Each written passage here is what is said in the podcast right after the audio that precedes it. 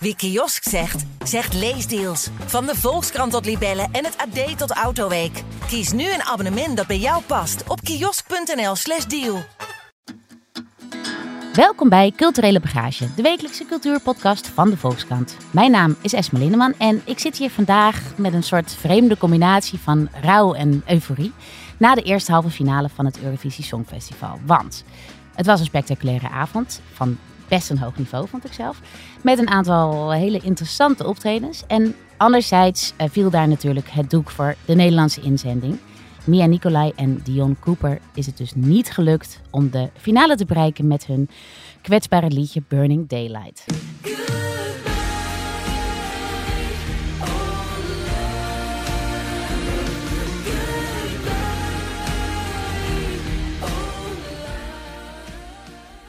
Nou is er natuurlijk heel veel kritiek geweest op dit duo. Gisteren deden ze het eigenlijk boven verwachting goed en toch sloeg het niet aan bij de telefoters, de mensen thuis. Wat maakt nou dat het ene nummer miljoenen mensen in vervoering brengt en het andere niet? Wat, wat zijn die ingrediënten van een perfect festivalliedje? En waarom heeft Zweden dat recept zo goed onder de knie? En tenslotte, waarom is de finale van het Songfestival met een beetje achtergrondkennis en relativering toch ontzettend leuk om naar te kijken? Ook zonder Nederland. Nou, daar ga ik het vandaag allemaal over hebben met verslaggever Gijs Beukers. Dag. Goedemorgen. Laat avondje geworden voor jou uh, vannacht, toch? Ja. Zeker. Ik zat om één uur nog achter mijn laptop. Ach, arme. En uh, muziekjournalist uh, Robert van Gijzel. Welkom. Hey, dankjewel. Nou, wij zaten gisteren nog druk te appen, want we vonden het volgens mij allemaal uiteindelijk toch nog wel heel erg spannend. We hadden echt onze vingers gekruist dat uh, Dion en Mia het zouden redden, maar dat is dus niet gebeurd. Jij hebt uh, verslag gedaan van de avond voor de Volkskrant. Neem ons een beetje mee. Wat gebeurde er allemaal en um, hoe lag Nederland er uiteindelijk uit? Ja, um, nou, het, het, was de eerste halve finale en die was uh, in Liverpool. Het was, Engeland had niet gewonnen, of het Verenigd Koninkrijk had niet gewonnen vorig jaar, maar Oekraïne. En dat land was niet in staat, vanwege bekende redenen, om het te organiseren. Ja, er waren 15 landen die deden mee. En we keken natuurlijk vooral uit naar Nederland. Vanwege alle ophef waar je het net over had, alle kritiek.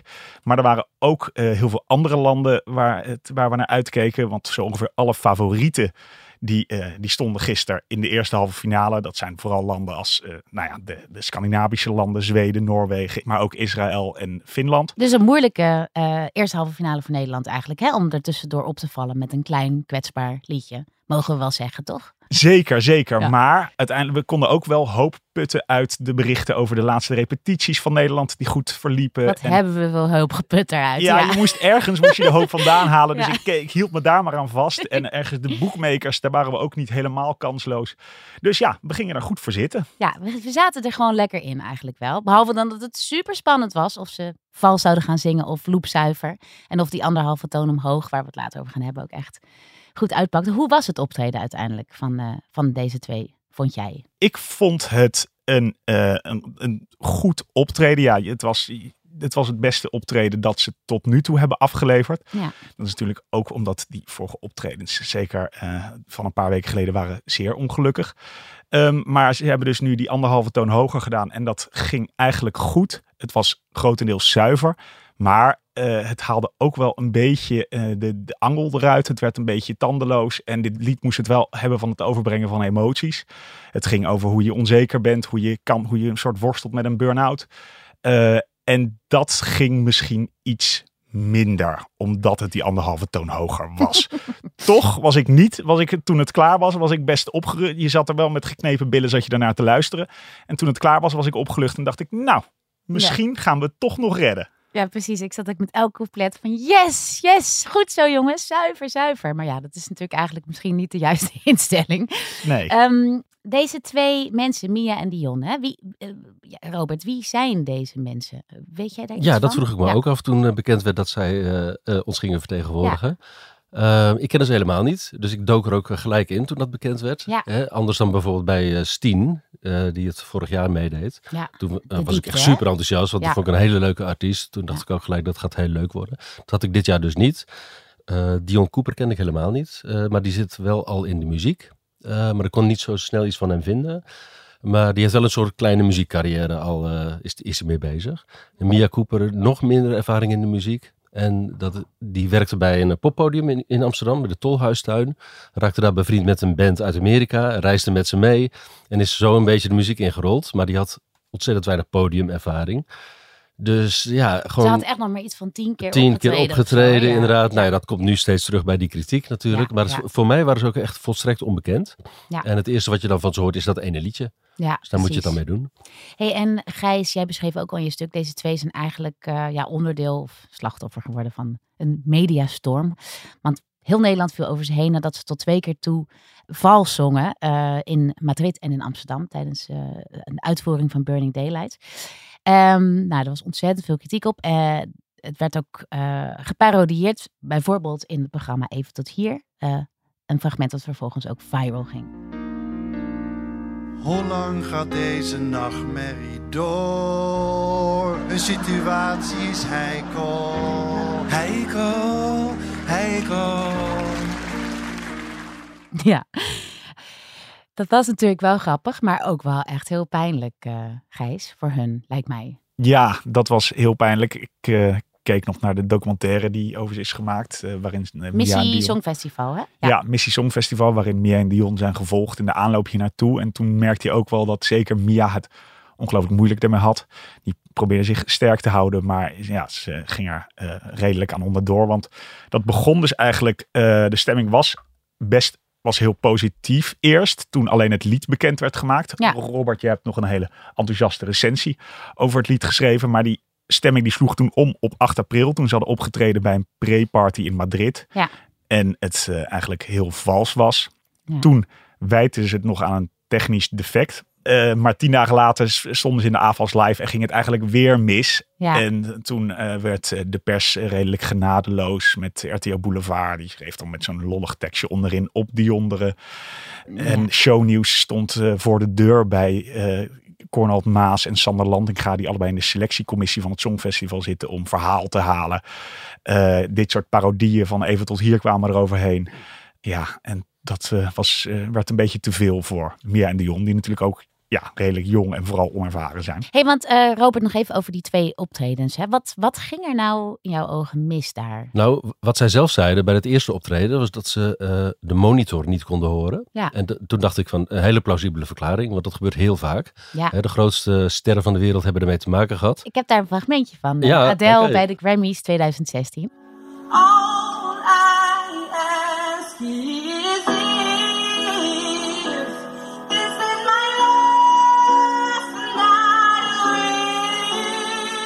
Ja, nou ja, als zelfs Adele eh, vals kan zingen, dan kan het dus wel degelijk aan de techniek liggen, toch? Precies, Ja. en eh, Beyoncé had het ook een keer bij de inauguratie van Obama, notabene. Drama. Maar dat, dat was Ja. niet helemaal vals, maar zij zong toen met zichzelf mee. Want ze had een soort, eh, haar eigen stem als al opgenomen waar ze overheen meezong. Dat gebeurt ook heel veel in de, in Ja. de moderne poptechniek, zeg maar. Ja. Maar toen rukte ze ook de monitor uit haar oren. Ik weet niet of je dat nog kan herinneren. Dat was een, Oh ja. toen ja. stond ze echt zo te frutten aan dat ding. Dus Ja. eh, kennelijk was de, haar in-oor monitor was uitgevallen. Dus die, die zwiepte ze er zo uit, heel geërgerd. Dus ik dacht, dat is hun ook overkomen. Ja. Eh, maar bij de tweede keer eh, ging het nog eh, verder mis. Ja. Nog erger mis eigenlijk. Het En toen zeiden zingen ze zelf Ja. ook dat het een heel uitdagend nummer was. En toen ging ik daar eens naar luisteren. En dat bleek ook, ook wel echt te kloppen. Ja, want daar zegt Dion over in de documentaire Missie eh, Songfestival. Het volgende. Voor mij persoonlijk, weet je, is het gewoon als, als man met een mannenstem super challenging. Omdat het lage, lange noten zijn. En die worden gewoon shaky met zenuwen. Ja. Dan een megasprong Ja, naar iets wat eigenlijk niet in mijn natuurlijke Nee. range ligt. Daar heb ik echt voor moeten trainen. Dus deze song is de grootste challenge. Heeft hij daar gelijk in dat het een moeilijk Ja. liedje was? Ja, zeker. Want hè, dat de refrein begint met een soort afdalende toonladder. Nou, ik heb hem zelf wel eens geprobeerd te zingen. Dat lukt je niet. Het, het lijkt alsof het uit een opera komt ook. Het is een soort bijna een aria-achtige eh, vocale melodie. Waarbij je heel moeilijk raakvlakken kan vinden. Er zitten niet echte keiharde noten in. Dus het is, het is alsof iets wat heel langzaam naar beneden afdwarrelt. En ik merkte gisteren ook wat ze nou hadden gedaan. Ze hebben door het anderhalve toon omhoog te gooien, eh, moest hij het refrein beginnen in zijn falsetstand. Dat Ja. deed hij eerst niet. Dat was met zijn gewone stem, met zijn borststem, zeg maar. Ja, ja. Hij moest nu, eh, omdat hij omhoog ging, naar zijn falsetstand. En dat is ontzettend moeilijk. En dat deed hij dus eigenlijk, de- eh, heeft hij maar een week ge- geoefend. En daarom klonk het heel wankel, maar het, het werkte wel, want hij zong niet meer vals. Ja, ja. Dus het was wel een, echt een indianentruc eigenlijk, Ja. om het zo toe te passen. ja. En het werkte. Het Maar werkte. eigenlijk dus heel knap van hem dat hij zich nog op het laatste moment dit heeft kunnen toe-eigenen. Ik En vond, dat het hij dat gewoon. ik vond het gewoon indrukwekkend Ja. wat ik, eh, hoe hij dat deed. Hè? Met, al, met alles wat, waar Gijs het net over had, alles wat er aan vooraf is gegaan. En dan met een, een, een niet-natuurlijke stem van jezelf het zo toch goed zingen. Ja. Heel knap. Hey, en, eh, maar Gijs, was jij, jij was niet helemaal onder de indruk, toch? Van, van hun gisteren. Nou, ik vond vooral de presentatie eh, zelf. Ik eh, keek nog even bij de BBC. Daar noemen ze de chemistry electric tussen die twee. Maar dat was misschien ook wel zo. Alleen dat kwam door de regie of iets anders niet helemaal Uit de over. verf, hè? Nee. Ja, ja. Het, het, zag, het kwam allemaal wat liefdeloos over. En het, het- er werd gefilmd en ze draaiden rond elkaar. En dan keken ze elkaar aan. Maar er waren niet echt mooie momenten waarop werd ingezoomd. Of waarbij een soort de liefde ervan afspatte. Ik had ook het idee dat er op sommige punten gewoon te veel van hun werd gevraagd. Want ze moesten op een draaischijf staan en dan lopen en zingen. Maar daar hadden ze alle twee natuurlijk helemaal geen ervaring mee. En dan was het dus een moeilijk nummer. En dan hadden ze al die kritiek gehad. Ze waren gewoon wel gespannen. Terwijl je natuurlijk uiteindelijk emotie moet overbrengen, toch Robert? Dat is Ja, zeker. Ja. zeker. En die Ja. emotie is eh, complex in dit nummer. Dus dat, dat, moet je, dat moet je visueel ondersteunen. Ja. Je zag ook een, een liedje als Zwitserland, wat ik echt een, niet goed nummer vond. Nee. Maar dat werkte toch, omdat het een hele goede presentatie had. Met een hele mooie lichtshow. En de, eh, het is ook een waardeloze tekst, maar door de presentatie leek het echt een hele belangrijke tekst. Ineens. Ja, het, het zag er gewoon goed uit. En ze hadden een soort momentje halverwege het nummer, waardoor het ineens eh, in, je, in je oog springt. Ja, En dat, had, dat, had, dat had Nederland niet. Nee, ik heb ook altijd het idee dat het een beetje crescendo moet gaan of zo. Er moet op een gegeven moment iets gebeuren. Het moet ergens naartoe werken, een soort apotheose. En dat bleef ook een beetje uit, toch? Ja, Ja, nee, maar- dat, eh, het was natuurlijk met de Common Linnets toen, dat, die hadden dat juist wel. Dat, het, die, dat camerawerk helemaal in orde was en dat ze elkaar aankeken. En, eh, En dat was ook een heel klein stil liedje, zeg maar. Ja, maar met hele goede zangers. Ja, dat is waar. Twee hele goede zangers. Hey, een ander kritiekpunt eigenlijk is geweest de aanloop, de, de selectieprocedure, zeg maar. Ehm, want ehm, hoe zit dat in elkaar, Robert? Wij hadden ooit een tijdje een Nationaal Songfestival en daar zijn we ook weer van afgestapt. Ja, toch? heel Ja. veel landen hebben dat nog steeds. Ja. En dat is ook een gigantische puinhoop overal. Eh, ik heb dat nog even nagekeken, maar... eh, Behalve in eh, Zweden, denk ik. behalve in Zweden. Daar gaat het gewoon al sinds 1860 helemaal top. Ja, precies. Eh, Ja, zeker. Ja, nee, maar ik, ik heb ik had nog even wat gelezen over andere landen om te vergelijken. Is het daar ook zo eh, on- onrustig in de media? Nou, dat is het. En dat komt vooral ook door die eh, nationale wedstrijden. Want dan krijg je kampen die tegen elkaar eh, ingaan. Ook op sociale media. Ja. Niemand is blij met de keuze die het uiteindelijk wordt. En het is een gigantische eh, puinhoop van de honderden bands die zich willen in de kijker willen spelen. Ja, ja. Nou ja, om dat te voorkomen heeft Nederland dus een kleine selectiecommissie van de Afrotros. Ja. Dat zijn een, paar, een aantal leden die daar al jaren zitten, waar ook niet echt een verloop in is. Het is niet zo dat er iedere twee jaar een nieuwe commissielid wordt aangesteld. Nee. Dus dat is een beetje een, eh, ja, een, een, een wat eh, Ondemocratisch. een ondemocratisch eh, instituut, zal ik maar zeggen. Ja, precies. Ja, en, maar dat heeft ons hele grote successen gebracht Ja, natuurlijk. want hè. over die grote successen. We hebben van 2005 tot 2012 eh, zij, hebben we nooit de finale bereikt. En dat waren allemaal nummers volgens mij die via het Nationale Songfestival gingen. En die klonken zo.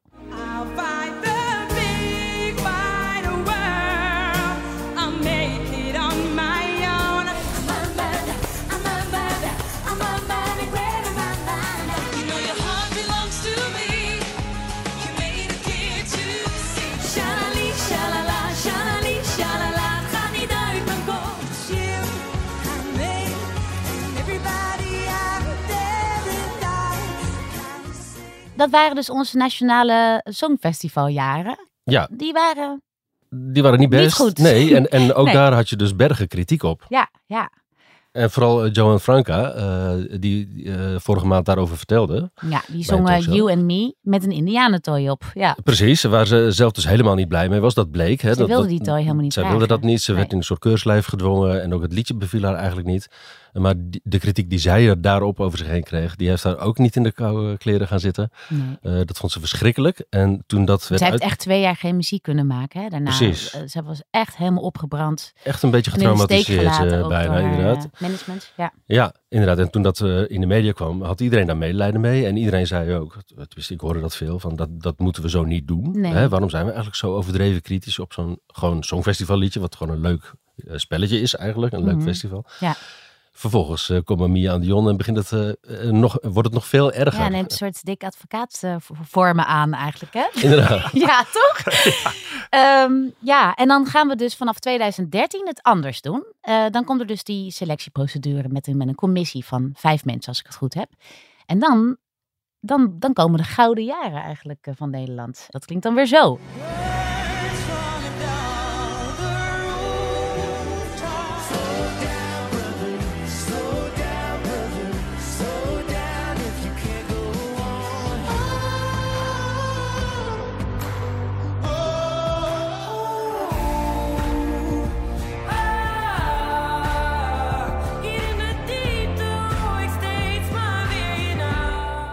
Ik krijg weer helemaal kippenvel van. Steen. Het is zo'n goed nummer. Ja, toch? Echt? Ja.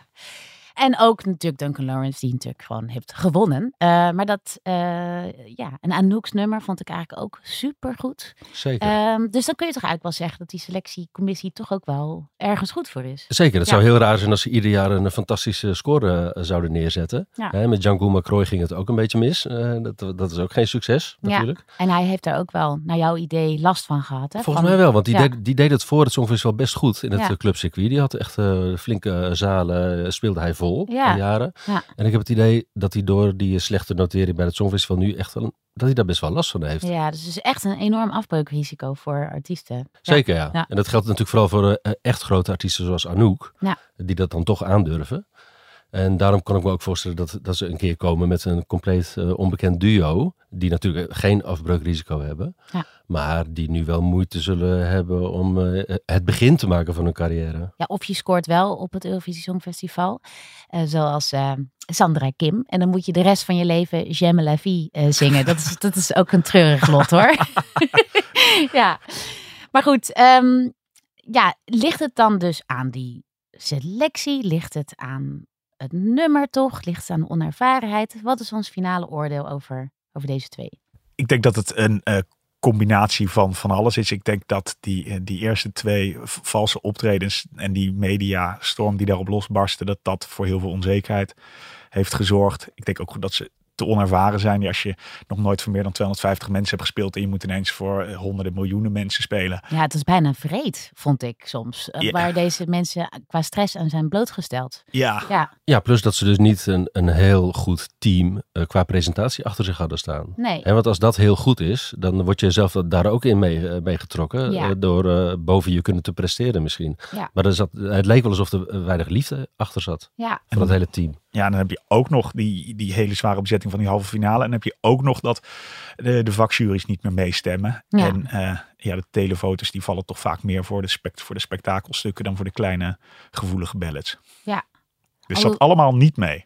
Het zat ons allemaal tegen en dat is eigenlijk heel oneerlijk. Maar eh, er is ook nog een eh, finale zaterdag waar ik gewoon toch naar ga kijken. En in die finale, eh, ik durf wel te zeggen dat Zweden gewoon de gedoodverfde winnaar is. Met Finland als gevaarlijke tweede. Ja, dat klopt, ja. En dat is ook niet de eerste keer eh, dat als Zweden gaat eh, winnen. Ehm, en als deze zangeres eh, wint, Loreen, dan wordt het de tweede keer dat zij het Eurovisie Songfestival. eh volgens mij is maar één iemand daar ook in geslaagd, en dat is Johnny Logan. Dus ehm, dat wordt ontzettend bijzonder. En dat brengt me eigenlijk naar het volgende onderwerp, want Zweden is gewoon ontzettend goed in het bedenken van popliedjes eigenlijk en het uitvoeren ervan ook. Zeker bij het Songfestival, maar ook gewoon in de hitlijsten. Eh, is, is, is Zweden gewoon een, een soort hitmachine, eh, toch, Robert? Zeker. En eh, volgens mij zit in bijna ieder land zit wel een Zweed eh, Ja, in, het eh, precies, team. in het team. Ja. Als schrijver of als pro- producer. Of op. Het is inderdaad een ongelofelijke industrie in Zweden. Ja. En ik, ik heb er eens een interessant verhaal over gelezen. Maar dat was behoorlijk eh, diepgravend. En er zijn wel tientallen redenen te bedenken waarom Zweden een goed popland is. Mhm. Maar het allerbelangrijkste is toch het succes van ABBA geweest. Want, want Zweden was helemaal niet blij met ABBA in het begin. Ben ik naar het, Zweden, naar het ABBA museum geweest. En daar vertelden ze me ook over dat nou, Zweden, dat, dat vonden ze slappe popmuziek. In, Zwe in, ABBA, Zwe- ABBA vonden ze slappe popmuziek. In Zweden zelf, ja. In, in Zweden zelf. maar toen het enorm succesvol werd, eh, toen begrepen Zweden dat, dat, dat het toch wel goed was. En dat er een serieuze industrie om te bouwen was. Dus toen is de eh, profes- professionalisering van de muziekindustrie is toen in gang gezet. Met hele goede producers, hele goede opleidingen. En Zweden is een heel innovatief land. Innovatie staat in Zweden op het allerhoogste ni- niveau, ook bij opleidingen. Kijk maar naar IKEA of naar Spotify. Ja, dat ja. zijn eh, innovatieve eh, eh, Bedrijven. bedrijven. En dat geldt ook in de muziek. Dus ze zitten bovenop trends. Ja. En dat hoor je eigenlijk in de muziek ook. Ze zit eh, net steeds een streepje voor. Het klinkt Super allemaal... trendgevoelig. het- het eh, klinkt hip, Ja, ja. ja. Ja, precies. En dat leidt dus gewoon tot Icona Pop, eh, Robin, eh The Cardigans, The Knife, Pieter, Bjorn en John. nou ja, noem maar op. Ace of Base. Ace of, ja, Ace of Base natuurlijk. Ja. En ik heb ook wel eens gelezen dat een van de redenen waarom Zweden ook zo succesvol is, omdat ze de Engelse taal super machtig zijn, Ja. maar zich tegelijkertijd er niet door laten leiden, zeg maar. En niet hele ingewikkelde eh, songs schrijven, maar eigenlijk ja, liedjes die heel begrijpelijk zijn voor een heel groot publiek. Ja. En soms met teksten die eigenlijk niet helemaal kloppen, zoals eh, producer Max Martin, die eh, Britney Spears Hit Me Baby One More Time. Dat is natuurlijk eigenlijk best een rare, beetje een rare Ja, tekst. Want het is eigenlijk, ja, het klinkt als een soort huiselijk geweld, maar het gaat natuurlijk over iets heel anders. Zeker. Maar het past perfect op de melodie. Klopt dat? Ja, dat, dat, dat klopt, ja. ja. eh, ik, ik was eh, eh, een tijd geleden in Stockholm voor het Avicii Museum. En ik Oh, sprak daar met mensen die rond Avicii hadden gewerkt. En die zeiden juist dat ze heen, heel erg opkeken naar Nederland. Hè? Want dat, dat gaat dan meer ri- richting dance. Maar. Armin van Buren, Tiesto, dat zijn in Zweden zijn dat de, de grootheden die ze allemaal na willen doen. Dus er wordt vanuit Zweden ook met heel veel jaloezie gekeken naar Nederland. Oh, toch nog Dat- wilde ik toch nog te even zijn. kwijt. Fijn, fijn. hey, en eh, er zijn nog meer kanshebbers eh, aanstaande zaterdag. Ehm Gijs, kreeg jij nou het idee wie, wie er nou misschien verder nog hoog gaat scoren? Ehm, nou, je had natuurlijk eh, Israël, die met Noah Kirel, ja, dat is eh, een soort eh, Ariana Grande, en die, die, danst. En Bizar goed kan dansen. Die Ja. bizar dansen aan het einde. Ja. deed ze allemaal dingen. Nou, ik weet niet hoe je het doet. En dat is echt zo'n zo'n klassieke popster, zo'n eh, podiumbeest. eh. Ja. En dan hadden we nog Finland. Dat was, die waren aan de beurt na Nederland. Tja, tja, Cha Cha Cha. Ja, wel heel eh, aanstekelijk en, en catchy. Ehm, ja, welke hadden we nog meer eigenlijk? Ik, Ja, nou, ik vond ook Tsjechië wel heel erg leuk persoonlijk. Ja. Eh, die stond volgens mij bij jou ook hoog op het lijstje, toch? Zeker, ik, ja. had, ik had bijna allemaal Oost-Europese la- landen in mijn top 5 zitten. Ja. Eh, ja, Tsjechië, eh, daarin hoor je Europese volksmuziek, hè, polyfonie uit, uit die regio, samenzang. En dat, dat vind ik altijd heel leuk als je dat hoort op het Eurovisie Songfestival. Ja. Een beetje Europese oude cultuur. Ja. En dat hoorde je bij Moldavië ook. En bij Moldavië dacht ik even, dat nummer had ik één keer gehoord, ik vond het niet zoveel aan. En ik werd eh, compleet doorgegrepen eh, bij deze uitvoering. Ja. Toen dacht ik, dat is ook wel echt een typisch songfestival ding. Ja. Doordat het er eh, leuk uitziet, maar ook dat je, het, dat je er gelijk op blijft hangen. Mhm. En het eigenlijk nog een keer wil horen daarna. Ja. Dus dat vond ik ook een goede, een gevaarlijke deelnemer, Moldavië. Ja. Want, want ik- merkte ook in de zaal dat dat heel veel losmaakte. Ja. Dus het, Dat was- hoorde ik ook een enorm Ja. applaus. En bij Finland. Ja. En bij Finland, precies. En Robert, jij, jij zei dat je ook wel zin had om eh, zaterdag te kijken. Misschien juist omdat Nederland niet meedoet. Leg eens uit. Ja, zeker. Nou, in de eerste plaats omdat ik Spanje wil zien, want dat is mijn favoriete nummer.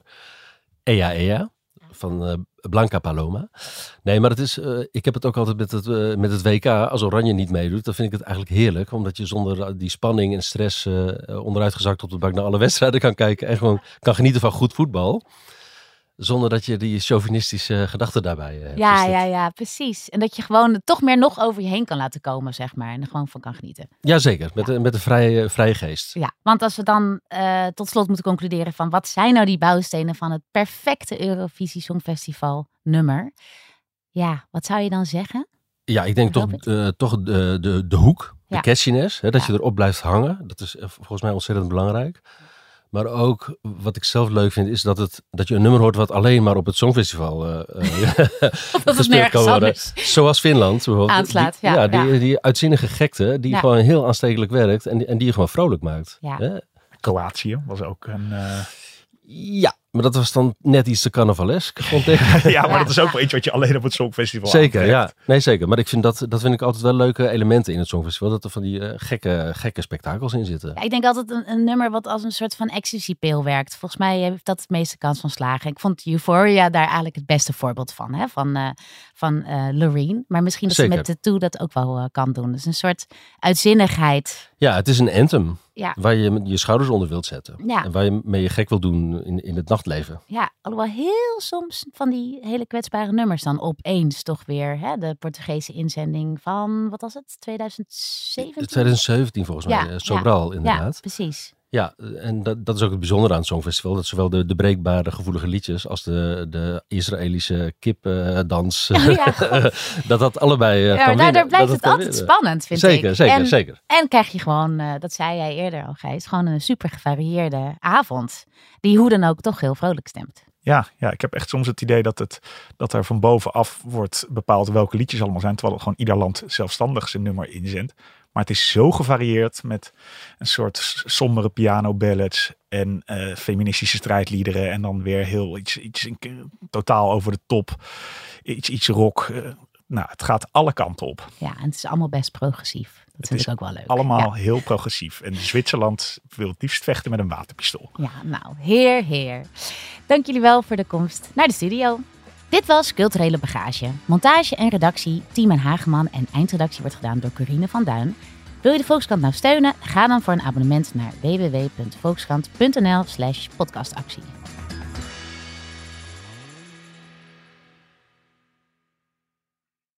Wie kiosk zegt, zegt leesdeals. Van de Volkskrant tot Libellen en het AD tot Autoweek. Kies nu een abonnement dat bij jou past op kiosk.nl/slash deal.